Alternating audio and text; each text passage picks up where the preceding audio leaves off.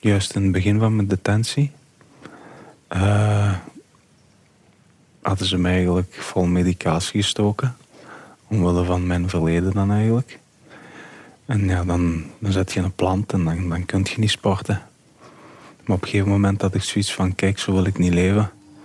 En, uh, maar ik moet wel iets met, die, met mijn verleden, met, met al die agressie waar dat ik mee te maken heb gehad. Ik moet daar iets mee gaan doen.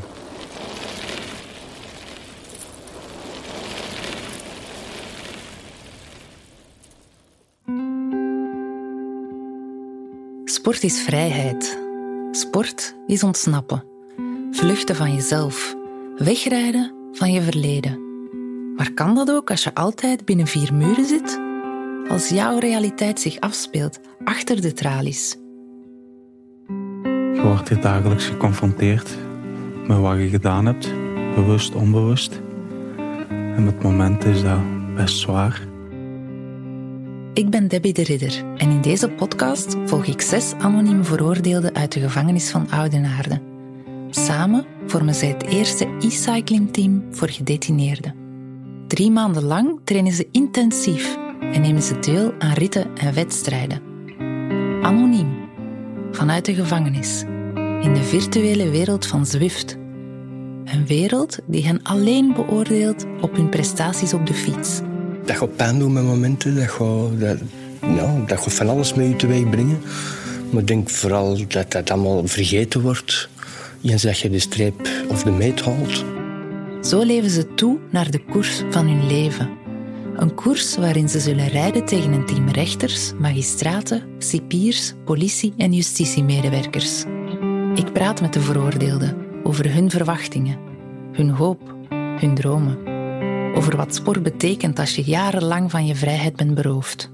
Als je opgesloten wordt in onze gevangenis, in onze in de Belgische gevangenissen, dan wordt heel veel wordt van jou afgenomen alleen op vlak van controle. Het enige waar ze wel nog controle over kunnen hebben is hun lichaam en is hun geest. Kan sport er inderdaad voor zorgen dat gedetineerden rust vinden? En verdienen ze die rust wel?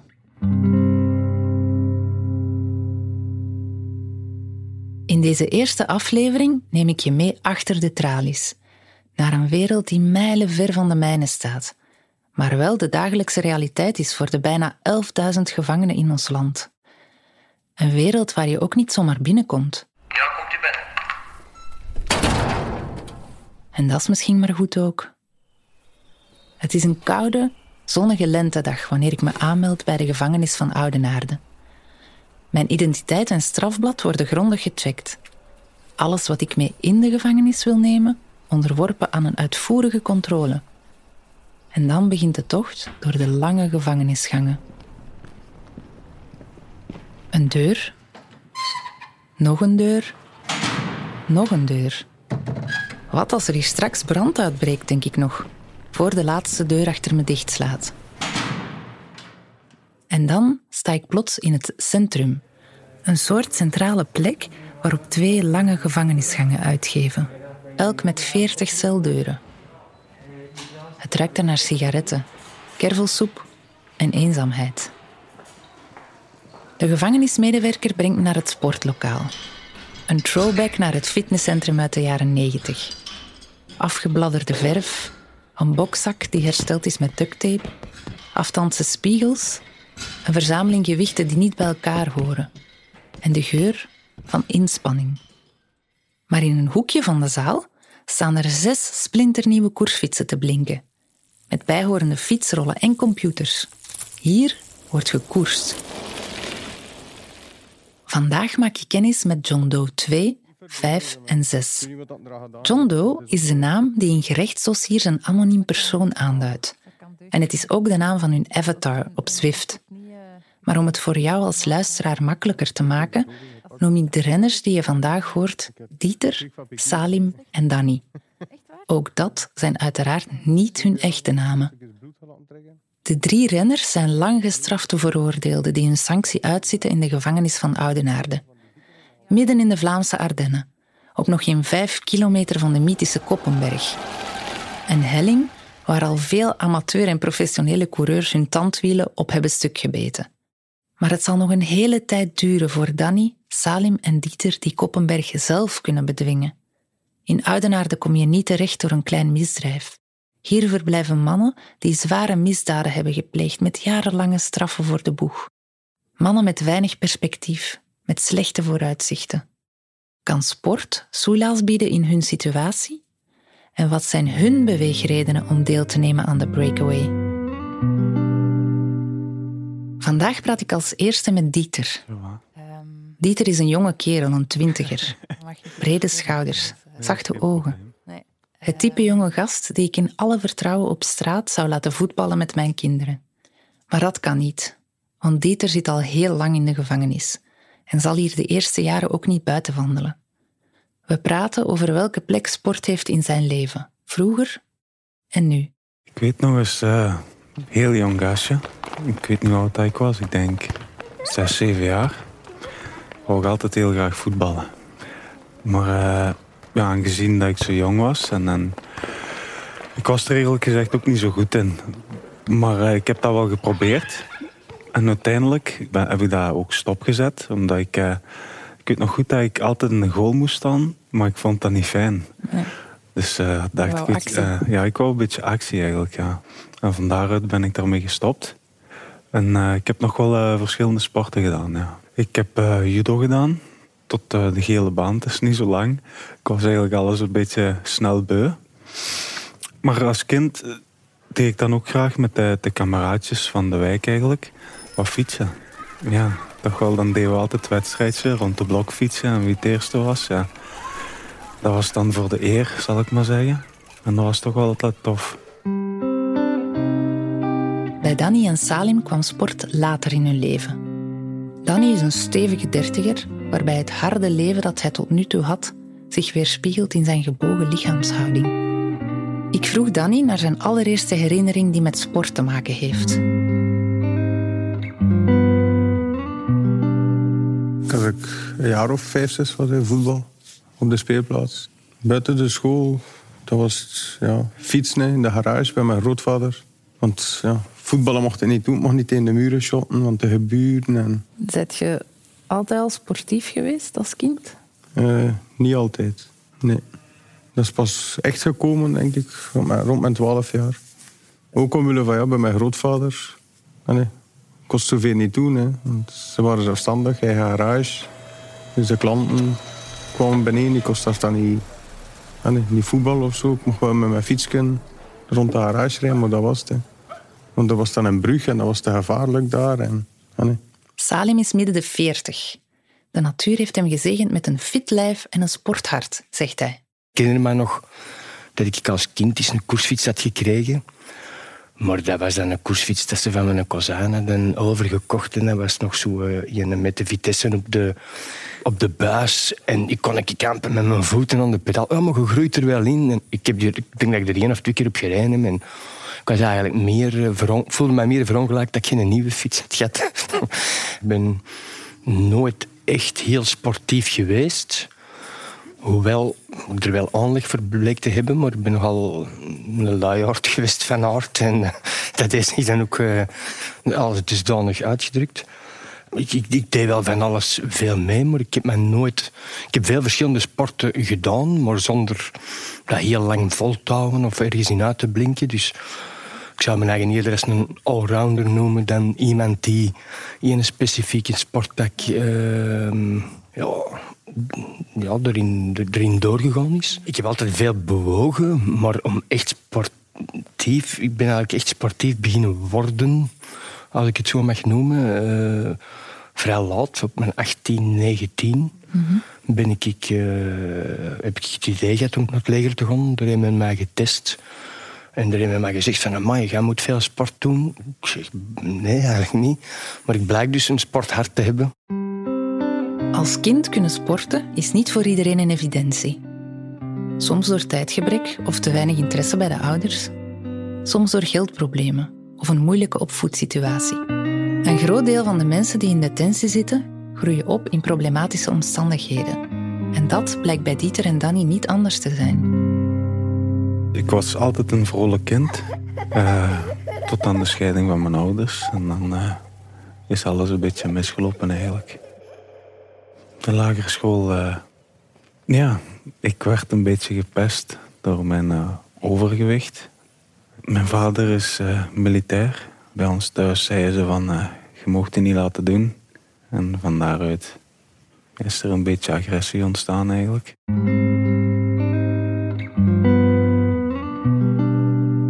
Langs mijn vaders kant veel drinken. Hè. Dat was misschien een sport.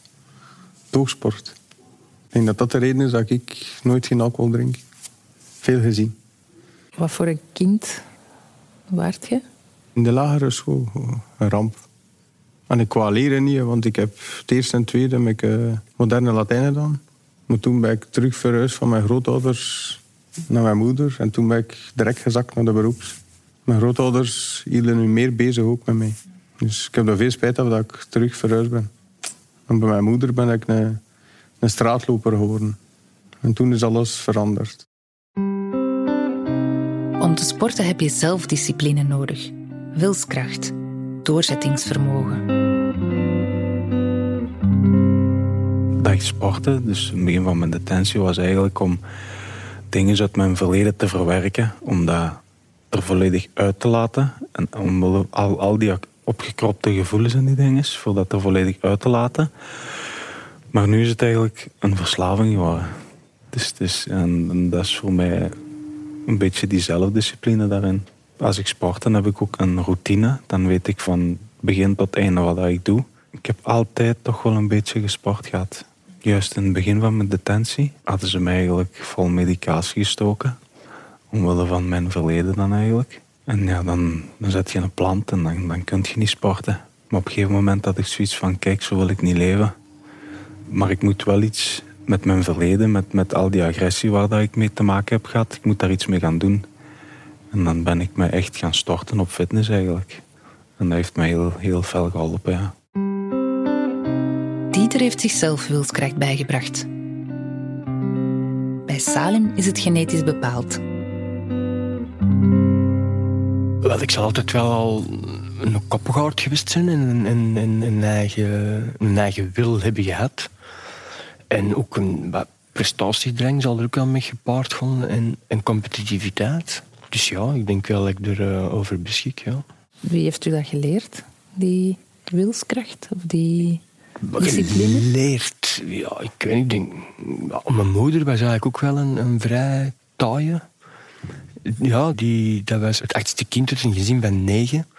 En dat was eigenlijk een boerenfamilie. Uh, dus de kinderen werden eigenlijk uh, opgekweekt, zoals men dat toen uitdrukte, om uh, ja, huishoudster of kokkin of naaister of weet ik wat te worden. Zeker de, de, vrouwen.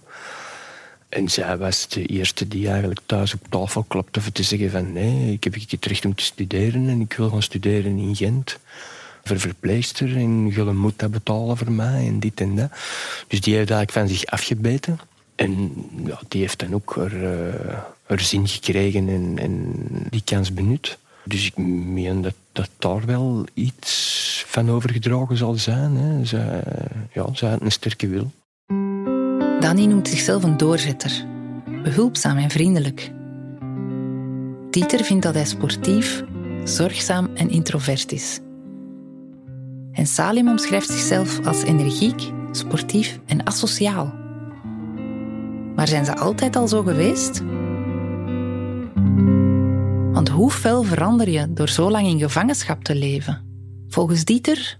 Heel hard. Vroeger dacht ik niet bewust na over de keuzes die ik maakte. En uh, leefde ik er maar gewoon op los. En wat niet klikte, dat botste. En nu probeer ik. En lukt me dat ook heel goed rekening te houden met andere mensen hun mening. En uh, het is de leeftijd. En, en ik ben ook uh, acht jaar in begeleiding geweest, bij agressiebegeleiding. En hij heeft wel uh, vooral de laatste twee jaar en een half veel met mij gedaan. Ook Salim heeft een hele evolutie doorgemaakt. Ik ben ik volwassen geworden en ben ik meer ontwikkeld geworden. En hoe hard ben ik veranderd? Ja, toch wel, toch wel erg. Ik denk wel dat ik erg veranderd ben. Ik ben wijzer geworden, als ik het zo mag zeggen. Ja. Er zijn nu veel simpeler dingen dat ik waardeer, apprecieer. Ik moet het niet te ver gaan zoeken. Ja, ben ik eigenlijk tevreden met, met, weinig, waar ik vroeger altijd uh, misschien meer extravagante dingen nodig had om geld belangrijker vond dan wat ik het nu vind. Dus ja, ik ben, een keer, ja, ben erop vooruit gegaan, als ik dat zelf zo mag zeggen. Ja. Dat sport een belangrijke factor kan zijn in het leven van gedetineerden, vindt ook Hedder Loontjes, sportfunctionaris van de Rode Antraciet en VZW die cultuur en sport binnenbrengt in de gevangenis. Het is ja, sowieso in eerste instantie absoluut een, een uitlaatklep voor allerlei mentale bezonjes en frustraties en noem maar op. Dat is zo echt het hier en nu, vind ik, van sporten binnen de gevangenis. Maar daarnaast zo, ja, dat ze zo met hun eigen lichaam kunnen bezig zijn, daarvoor zorgen op een, ja, op een gezonde manier, uh, op een positieve manier. De controle. Ja, die controle, dat, dat is iets van... Allee, het systeem gevangenis of systeem justitie heeft geen invloed of kan niet zo'n invloed hebben op hun lichaam. Allee, ze, hebben daar zelf nog impact en invloed op. Sport zorgt voor rust en evenwicht. In lichaam en geest. Mens sana in corpore sano. Dat is ook zo voor Dieter. Voor mij was het voor mijn hoofd leeg te maken. Omwille dat ik wel bepaalde goede dingen van thuis heb meegekregen. Zoals structuur en, en, en dat sportieve waren mijn ouders er emotioneel niet echt voor mij. En dat is uh, heel zwaar voor mij geweest. Ik merkte als ik uh, sportte, al was het fietsen of judo of, of dat voetbal als klein kind, dan was dat voor mij een stukje emotionele vrijheid. Ik vind dat wel plezant, dat doet mij goed. Dat geeft me altijd een goed gevoel. Omwille dat ik dan even van alles heb weg kunnen zijn. En uiteindelijk, ja, doorheen de jaren is het ook een verslaving geworden. Ja. En nu dat fietsen dan? Dat fietsen. Nieuwe sport? Ja. ja. Dus ik vind het heel tof. Ik heb al twee keer gefietst en uh, ja, ik ben een beetje vertrokken, denk ik.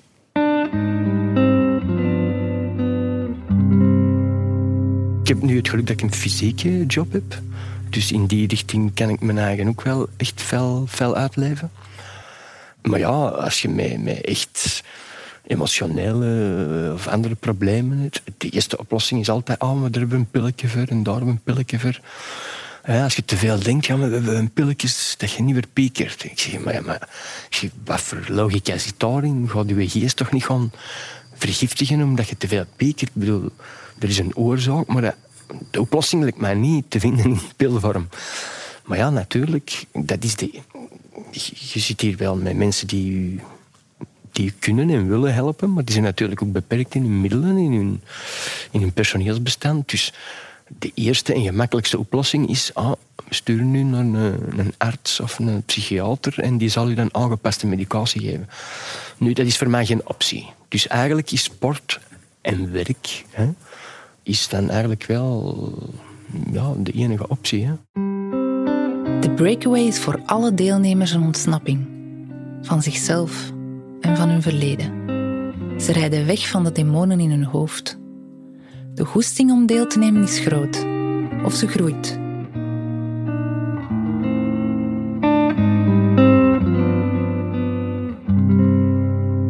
Wanneer was het? Zondag had ik het ook, dat ik dacht, ja, morgen ga fietsen. En de dag zelf was van, pff. Maar dan s'avonds, als ik bezig was, was van, ja, ik ben content dat ik geweest ben. Ik zit in een depressie. En in het begin was het, oh ja, ja. Ik denk, twee weken nadien was dat zo naar beneden. En was van, pff, ze heeft geen goesting voor uit je bed te komen hier. Waarom nog? En nu is het lichtelijk weer aan het omhoog gaan. De hoesting is aan het stijgen.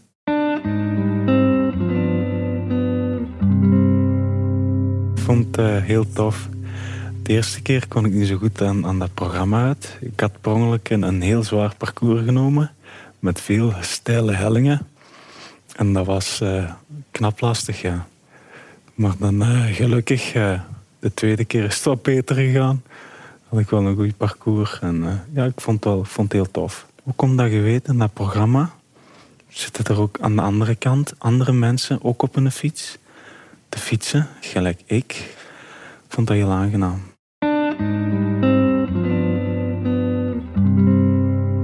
Ik vind het wel iets, iets moois dat je zo veel andere mensen tegenkomt op het parcours. En sommigen steken nu voorbij en ik steek er ook voorbij. Dus, en, en ik vind het wel bijzonder dat je alle nationaliteiten uh, ziet. Van, van, van Chinezen, Amerikanen en Britten tot, van overal eigenlijk. Ik heb wel Zuid-Amerikanen tegengekomen, van alles en nog wat. Dus ik vind dat wel uh, fijn om te zien dat dat, dat platform, dat je er minstens mee een paar duizend man op dat traject zit. Uh, dus ik vind, dat op zich vind ik wel leuk. En sommige mensen, ja, je komt altijd wel mensen tegen wiens niveau jij aan kunt. Of, of, of zij dat van nu, bon, nog langer echt bekijkt. Maar ik vind dat wel, ja, ik vind dat wel knap om te zien. Ja, ik vind het wel een, leuk, een heel leuk concept. In het verleden eigenlijk, het, uh, we hebben hier vroeger nog fietsprojecten gehad. Waaronder de Ronde op Rollen in 2012, 13 en 14. Ik heb die alle drie meegedaan. Die... En daar heb ik eigenlijk de fietsmicroben te pakken gekregen, zal ik maar zeggen. En dat ging mij goed af. Uh, vandaar dat ik uh, om zo'n project heel graag wil meedoen. Wat wilt je ermee bereiken met deel te nemen? Wel, eigenlijk gewoon veel extra uren sport kunnen roemen, zal ik maar zeggen. En wel, hopelijk, uh, ja, ik denk dat die reis ook wel eens iets fijn en iets, anders gaat zijn. De race. Daar hadden we het nog niet over gehad. Over de rit van uw leven. De koers tegen magistraten, politiemensen, cipiers en justitiemedewerkers. Mensen die aan de andere kant van vrouwenjustitie als weegschaal staan. En dat wakkert de competitie alleen maar aan. Voor mij zijn dat mensen, dat kan een ander. Of moet zijn dat ze zeggen, ja, ik krijg zoveel vermindering als je mij verslaat. Ja. Wilde winnen van hen of niet? natuurlijk wilde winnen. Hè. Maar je weet ook niet hoe lang trainen die al, hoe lang zijn die er al mee bezig. Ik denk niet dat ze het kan het zijn dat ze morgen zeggen, ah, je moet hier tegen die man van 70 jaar fietsen. Maar die zijn heel zijn leven al niet anders doet. Hè. Ja, het is een gejost. Hè dan komt het competitief beest toch wel een beetje mee naar boven, ja. En wat vind je ervan dat dan net tegen die mensen is dat je gaat rijden? Fantastisch. ik, ik, wil niet echt veel bewijzen. Het is, het is voor mij gewoon, ja... Ja, hoe moet ik dat zeggen? Dan, dan, als ik daarvan win, dan heb ik op één gebied toch een beetje gewonnen. Dit was de eerste aflevering van De Ontsnapping. Bedankt voor het luisteren. In de volgende aflevering ga ik opnieuw in gesprek met de renners en vertellen ze me alles over hun parcours tot dan toe. Wat loopt er goed? Waar botsen ze tegenaan? En zien ze die eindspurt eigenlijk nog wel zitten? Ik vertel je ook waarom je vandaag maar drie in plaats van zes gedetineerden aan het woord hoorde. Maar je zegt dus eigenlijk dat het dat dat wel vaker voorkomt. Ja, absoluut. Dat gedetineerden op de laatste moment afhaken. Ja, ja, ja dat is echt niet, niet vreemd. De ontsnapping werd gemaakt voor Decathlon. Ik bedank de renners voor hun openheid en de Rode Antraciet en de gevangenis van Oudenaarde voor hun steun. Interviews, redactie en eindredactie door mezelf, Debbie de Ridder. Geluid door Rinus de Wilde en montage door Kiaran Verheijden. Vond je deze podcast boeiend? Abonneer je dan in je favoriete podcast-app en schrijf een review.